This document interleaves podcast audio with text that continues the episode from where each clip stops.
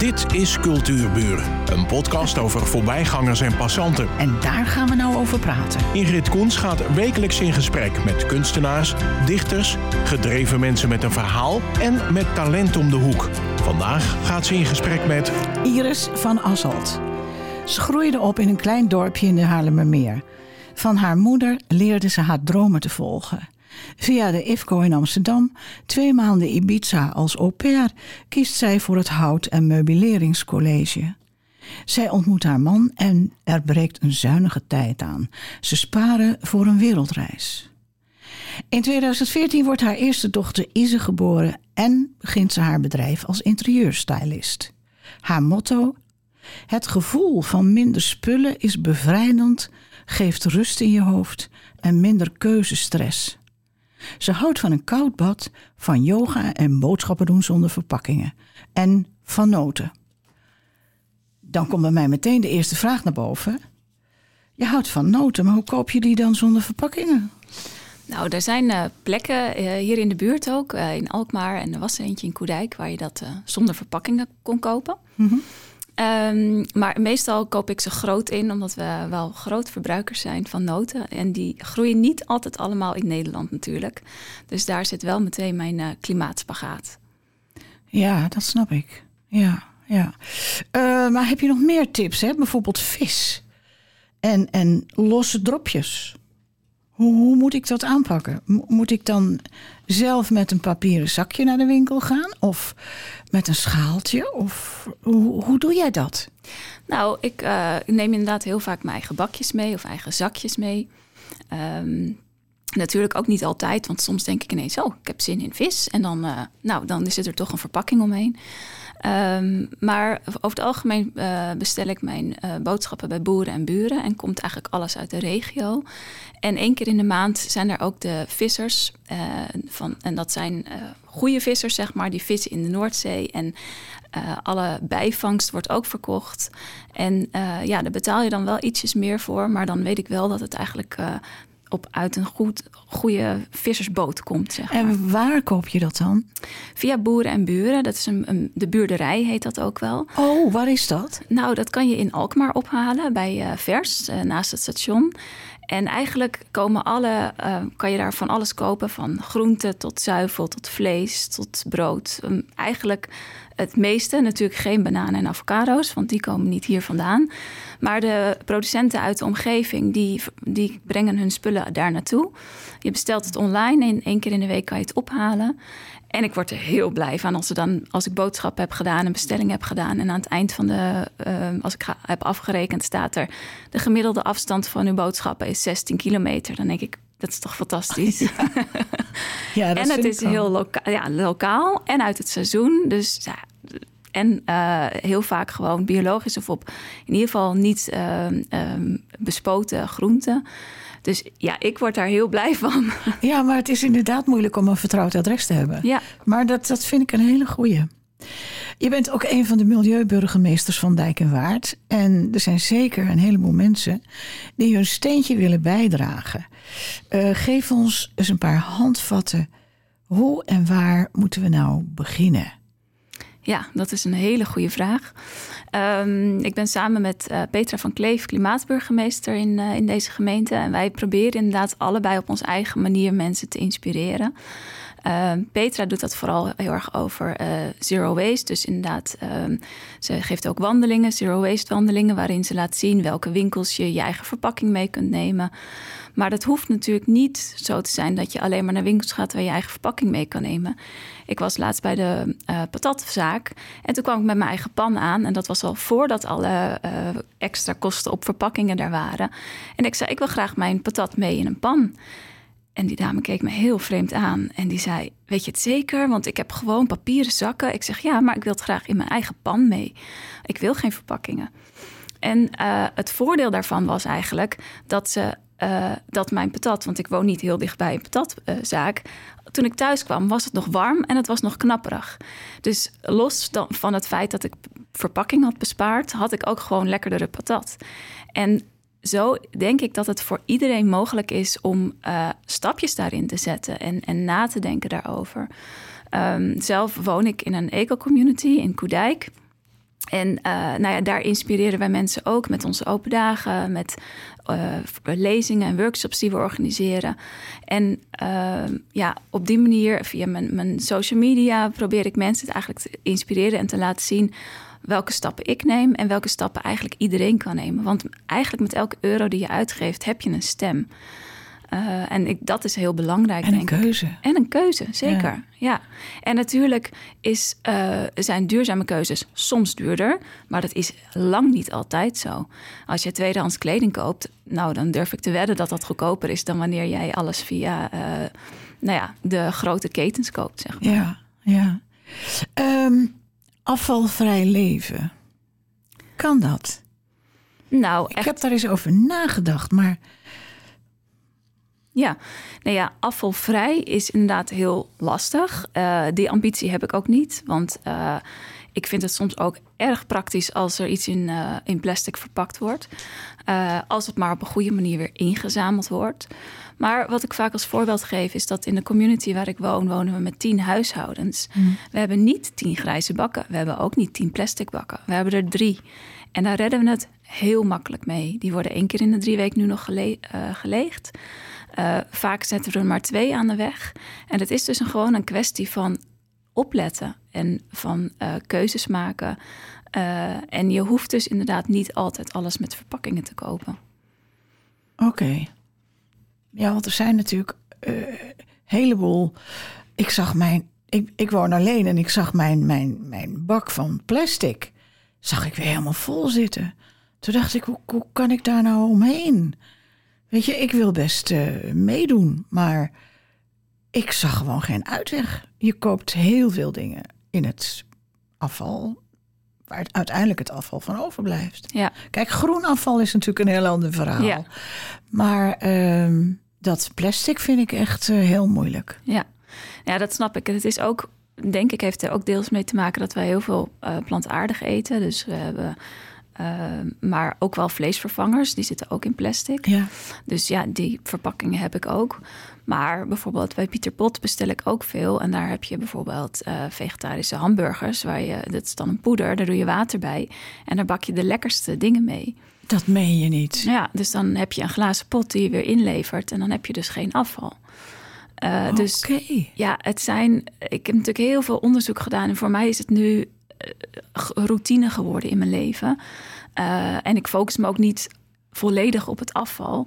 Maar um, dus kijk gewoon inderdaad naar kleine stapjes die je kunt doen. En als je inderdaad lokaal koopt, dan kan je dus heel vaak heb je geen verpakking nodig. Nee. De supermarkten, ja, dat ben ik met je eens. Daar zal veel minder ja, plastic melk en zo zijn. zit natuurlijk ook in pakken. Ja, in, in Zelfs Bergen heb je, biologische melk. ja, in Bergen heb je dan de melksalon. Daar kan je het in flessen halen en die kan je dan weer inleveren, zeg maar. Um, Ja, in dus die ja, tijd ben ik groot geworden. Ja, ja precies. En er zijn heel veel uh, uh, plekken, ook wel bij boeren, waar je melk kan tappen zelf in je eigen fles. Dus dat is mogelijk, maar het is ook vaak wel meer werk of meer uh, gedoe, zeg maar. Uh, ja, het scheelt dat ik vooral plantaardige melk, dat zit dan ook vaak in verpakkingen. Maar laatst heb ik ook het gewoon zelf een keer geprobeerd te maken. Oh, En dat is, kan ja, dat? Ik, ja ik, ik zie het ook soms als een hobby. Dat ik denk, oh, ik ga s'avonds, wat ga ik doen? Oh, ik ga even lekker een recept opzoeken hoe ik uh, zelf, uh, nou ja, havermelk of. of uh, dat maar is dat gelukt? maken. Ja. Ja, het is, ik had kokosmelk gebruikt als basis. Dan zit je natuurlijk wel met het Blikje. kokosmelk. Ja. Um, maar uh, daarvoor had ik wel weer een, uh, een liter, uh, nou, een soort kokosjoghurt had ik toen gemaakt. Oh, wat leuk. Maar ja, dus, dus, ja, ik zie het ook soms als een hobby of als, als leuk om, om Sport. samen te doen. Ja, Ja, ja. ja. ja, en wat ik zeg, ik focus mij dus niet vooral, zoals Peter focust zich veel meer op, op echt zero waste. Uh, ik focus mij veel meer op, uh, op het interieur en op wonen eigenlijk. Ja, en op het, als we dan natuurlijk. Uh, ja, gisteren had ik nog met een paar vriendinnen een gesprek daarover. Ontspullen. Ja. Kijk, um, het is natuurlijk best, best te doen. Jij woont in een tiny huis, dus jij bent wat dat betreft een, een vakvrouw in het ontspullen. Mm -hmm. Maar als je pas begint, ja. dan kan je het nog wel doen. Maar hoe je dat, doe je dat uh, als je met dierbare, emotionele en ook waardevolle voorwerpen zit? Ja. Nou, mijn advies, begin daar niet mee. nee, maar dat, dat komt in je leven zo. Bij mij is dat zo gekomen. Ik erfde eerst van een oma en dan van een tante en dan van een moeder. Ja. En nu ben je blij met alle spullen die er zijn? Nou nee, maar er zit natuurlijk toch een stukje emotie achter. Ja, maar waarom en, zou en je... waardevolle die ik niet mooi vind, maar ja. Maar waarom zou je het dan in je huis hebben als je het niet mooi vindt? Ja, dat is een goede vraag, maar het is wel veel. Ja. Het is ook niet de bedoeling om daarmee te beginnen als je gaat ontspullen.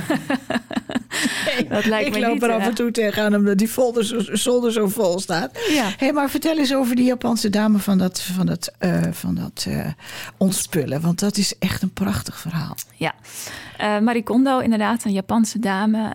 die heeft een hele nou ja, levenswijze eigenlijk rondom het ontspullen um, bedacht.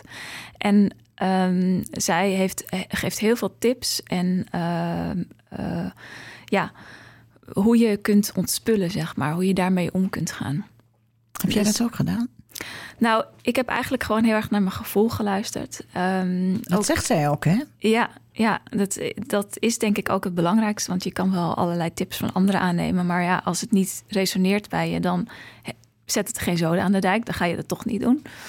Um, nou ja, wat je zei, ik heb ook uh, een aantal uh, overlijdens meegemaakt. Uh, daar heb ik huizen leeggehaald van mijn opa, van mijn oom. En eigenlijk waren dat de eerste inzichten die ik kreeg. Dat ik dacht, ja, mijn opa heeft de afgelopen twintig jaar aan agenda's bewaard. Oh, ik heb ook de afgelopen, weet ik veel, acht jaar aan agenda's hier liggen. Ja, wat moet ik daar eigenlijk mee? Kijk ik er nog wel eens in? Nee. Waarom bewaar ik het dan eigenlijk? En zo is het eigenlijk een beetje uh, begonnen. Uh, dus die huizen leeghalen, maar ook met andere ogen kijken naar je huis. Wij verhuurden ons huis af en toe als we op vakantie waren, één keer per jaar. En dan kijk je met andere ogen naar je huis en denk je van, oh goh, ja, hoe, zit dit? Hoe werkt dit?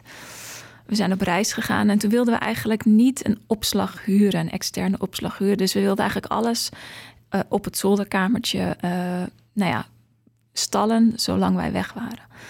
En toen ben ik gewoon heel ja, goed gaan kijken van wat wil ik eigenlijk nog bewaren? Waar, word ik blij van? En dat zegt Marie Kondo ook van does it sparkle joy? Uh, word je er blij van? Uh, dan kan je het bewaren. Maar alle ballast die je hebt waar je niet gelukkig van wordt, ja, het heeft geen zin om dat te bewaren. Want het is ballast in je huis, het is ballast in je hoofd, het neemt ruimte in. En zo ben ik eigenlijk uh, begonnen. Dus, dus naar aanleiding van de reizen die we gemaakt hebben. Um, en uiteindelijk inderdaad met als doel om, om kleiner te gaan wonen. Dat was ook gewoon, nee, dat was de laatste drive nog om heel radicaal uh, te gaan kijken naar de spullen die we hadden. Ja, klinkt allemaal zo mooi. ik heb het wel met kleding geprobeerd. Ja. Dat werkt. Ja, nou dat is ook heel goed maar om daar even te beginnen. Hoe, hoe die Marie Kondo zich daar uh, inwerpt. Want het, ik vind dat zo'n mooi verhaal. Ja, wat zij uh, doet met kleding inderdaad is dus ook... Nou ja, eerst alles uit je kast halen. Uh, en dan heb je overzicht. Hè? Dan zie je je kast. Dan ga je alle items die je hebt, neem je in je handen. Ga je naar kijken. Draag ik dit nog? Word ik hier blij van? Past dit nog bij mij? Of is dit eigenlijk van een tijd geleden? Uh, hangen de prijskaartjes er nog aan? Ook een voorbeeld wat bij veel mensen gebeurt. En dan ga je kiezen van oké, dit, dit item wil ik bewaren, dan maak je een stapel. Of dit item wil ik weg, maak je een stapel. Of je maakt een stapel, uh, misschien, uh, of weet ik nog niet. En zo ga je eigenlijk door al je kleding heen. En dan zul je waarschijnlijk ook zien uh, een, uh, een gemene deler zien. Dus bepaalde kleuren of bepaalde stijlen die bij je, bij je passen. En andere die je misschien in een opwelling hebt gekocht waarvan je denkt, nou dat past eigenlijk niet. Nou, voor de spullen die je niet meer wil, ga je kijken of je daar een vriendin mee blij kan maken. Of uh, je geeft het aan iemand anders weg. Of je, of je brengt het naar de kringloopwinkel. Er zijn talloze mogelijkheden om andere mensen daar nog een plezier mee te doen. En als het echt niet meer kan, kan je het altijd nog in de kledingbak uh, gooien. Want daar maken ze ook bijvoorbeeld isolatie van of poetsdoeken. Of het heeft altijd nog wel weer een bestemming. En het is belangrijk dat we eigenlijk alles wat we wegdoen, uh, alle grondstoffen behouden blijven. Dat het niet op de afvalberg belandt en dat het niet verbrand wordt. Want we gaan met z'n allen naar een circulaire economie. En daarin moeten grondstoffen gewoon bewaard blijven. Dus ook kleding. Ik wist helemaal niet dat als je het in zo'n kledingbak gooit, dat het dan recycled wordt in de letterlijke zin van het woord. Ja, ja. Oké. Okay. Uh, dus de meeste, nou ja, de mooie kledingstukken worden natuurlijk nog gebruikt. En als er echt gaten in zitten, dan uh, uh, of, of vlekken die, of nou ja, wat dan ook als het afgekeurd wordt om niet meer gedragen te worden, dan uh, worden er, wordt het heel vaak nog uh, worden de textielvezels worden uh, vervezeld, zeg maar. En er kan nog heel veel toepassingen zijn daar mogelijk voor. Ja, maar dat is een heel goed gevoel. noem even je website. ja, ik, ik ben dus actief als interieurontwerper, duurzaam interieurontwerper onder de naam Studio Duurzaam Wonen. En uh, daar inspireer ik mensen dus met onze manier van wonen. Ik geef interieuradvies aan particulieren en aan bedrijven. En um, nou ja, zoals ik zei, we hebben open dagen. Ik, mijn huis is eigenlijk een soort showroom voor klanten, um, geïnteresseerden daarin. En daarin wil ik eigenlijk laten zien wat er al is op het gebied van duurzaamheid. Um, dus nou ja, als, het, als je het hebt over spullen. Ik heb bijvoorbeeld een salontafel, die heb ik op straat gevonden. Dat is een oude koffer. Um, een, een, stoel, die een, zo'n mooie oorfauteuil die je, nou ja, waar je lekker in kunt zitten, waarvan de bekleding helemaal stuk was, lag ook op straat. Nou, zonde. Ik zit er al tien jaar op. Ik heb, de, ik heb hem opnieuw laten stofferen. En het is gewoon een, een, een, een juweeltje, zeg maar, in mijn woonkamer. Dus uh, ja, als je op die manier ook naar spullen kijkt, uh, probeer de waarde ervan in te zien. Dat is het begin, hè? Dat is het begin. Ja. Ja. En, en dat hoeft niet zozeer een, een, financiële waarde te zijn. Nee, zeker Maar zeker die gevoelswaarde die je erbij ja, hebt. Dat is het allerbelangrijkste. Komt weer onze Japanse dame terug. Ja. Die gevoelswaarde die je bij dingen hebt, die is volgens mij het belangrijkste. Zeker. Een soort leidraad. Ja. Uh, website. Ja. Nee, dus als je inderdaad... Um, uh, het kastje van je oma bijvoorbeeld, heb je waarschijnlijk veel meer gevoelswaarde mee. Wat, wat, wat je net ook zei, hè? dat je emotionele waarde hebt dan de Billy boekenkast van de IKEA. En daarom belanden er ook zoveel uh, meubels bij het grofvuil. Ruim 11 miljard kilo per Ah. jaar. Alleen al in Europa belandt er bij het grofvuil. En dat is niet houdbaar. Dat zijn grondstoffen, dat zijn vaak dus inderdaad verlijmde producten. Uh, producten waar dus ook heel veel uh, giftige stoffen in zitten, die wij met z'n allen in ons huis halen.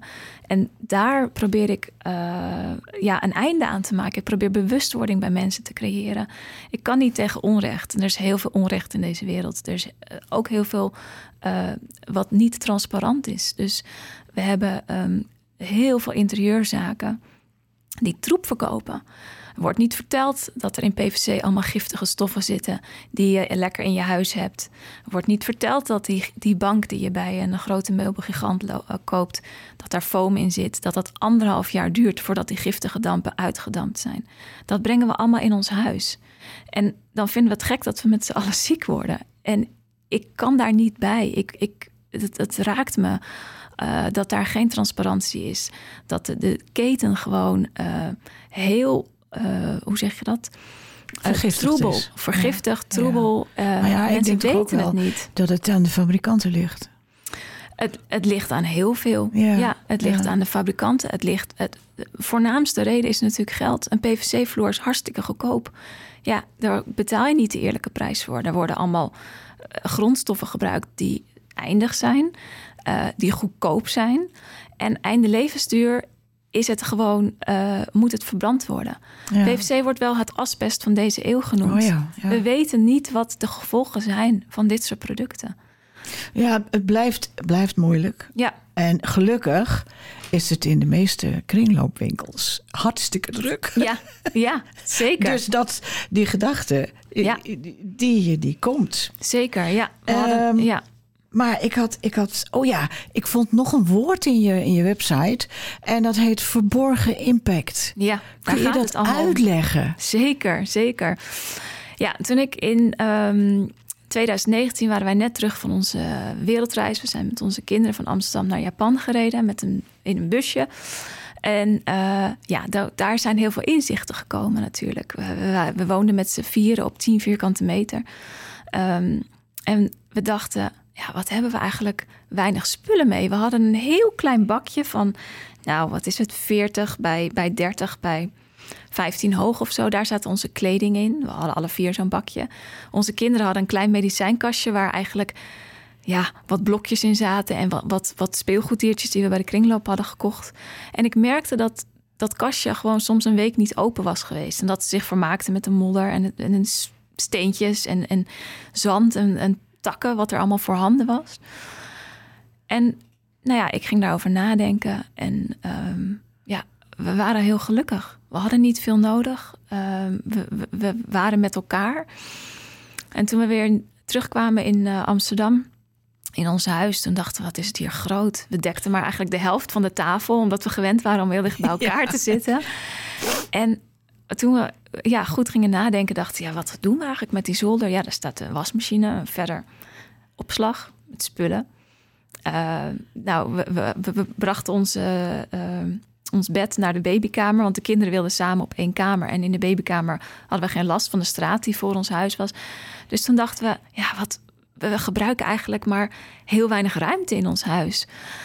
En toen op dat moment kwam ik ook in, in aanraking met het boek De Verborgen Impact van Babette Porcelein. En zij heeft onderzoek gedaan naar de gemiddelde Nederlander, wat hij uh, doet en koopt. En nou, het zal je verbazen. Uh, de meeste mensen denken aan wat de, de verborgen impact is van wat de gemiddelde Nederlander doet of koopt. Denken aan, oh, dat is vlees eten of dat is kleding of vliegen. Maar wat de meeste impact heeft, zijn spullen. Spullen hebben de meeste impact op, het, op de aarde. En dat is voor veel mensen echt een grote eye-opener. En dat komt omdat dus heel veel van die spullen die wij gebruiken, kijken we eigenlijk alleen maar naar het gebruik. We kijken naar de CO2-uitstoot tijdens het gebruik van bijvoorbeeld een lamp, uh, een auto. Um, en we kijken soms naar afval. Maar dat hele gedeelte daarvoor zien we niet. En het hele gedeelte daarvoor bedoel ik, dat is de productie. Er zijn grondstoffen uh, gedelft. Er, zijn, uh, er is transport geweest. Er is, nou, in de fabriek is uitstoot geweest. Dat hele stuk, dat zien we eigenlijk niet. En dat is zo belangrijk. En als we dat mee gaan nemen en als we daar naar kijken, dan kunnen we ook betere keuzes maken. Um, ja, en voor mij is de verborgen impact, uh, het, het, onderzoek wat Babette heeft gedaan in samenwerking met een onderzoeksbureau, is echt heel belangrijk in mijn werk ook. Dus als ik kijk bij mensen thuis, kijk ik altijd eerst naar wat is er al. En niet hup alles leeghalen en hup, nieuw kopen. Nieuw, ja, nieuw kopen. Ja, ja, ja, ja. En dat is zo belangrijk. Ja, ja. Dat we daar met elkaar meer naar gaan kijken. En dat is dus ook alle, alle spullen die we dus kopen, hebben we dus impact mee.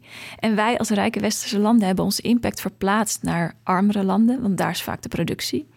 Maar we vergeten dat we dus dat onze verborgen impact dus daar een hele grote impact heeft.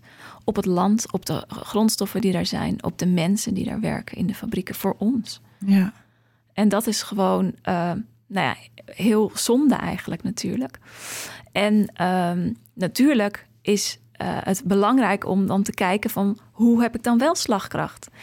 En doordat we eigenlijk maar, uh, omdat, doordat we eigenlijk 80% niet zien, betekent het dat als we het omdraaien, dat we vijf keer zoveel slagkracht hebben. Maar dat het dus belangrijk is om te gaan kijken naar waar zit de impact en waar kan je dus verduurzamen, zodat je dus uh, grotere stappen kunt nemen en makkelijker kunt verduurzamen. Dus dat je niet gaat kijken naar het afval bijvoorbeeld, want dat is vaak maar een nou ja, in het geval van, van biefstuk bijvoorbeeld, is 1% is het, uh, het, de verpakking. Maar die 99% de impact daarvan heeft te maken met het land wat de, wat, de, wat de koe, het water wat de koe nodig heeft. En uiteindelijk om dat tot een klein stukje vlees op jouw bord te laten zijn. Dus dat is denk ik heel belangrijk om te gaan kijken waar zit de impact. En dan kan je gewoon uh, je aanpassen. betere stappen maken. Ja, en, en, of ben het helemaal met je eens trouwens. Het was voor mij een zeer verlichtende uitzending. Dat is heel fijn. En ik vond het heel fijn dat je er was. Dank je wel. Heel graag gedaan. Dank je wel. Dit was Cultuurbuur, een podcast van Ingrid Koens en Streekstad Centraal. Bedankt voor de aandacht en tot de volgende Cultuurbuur.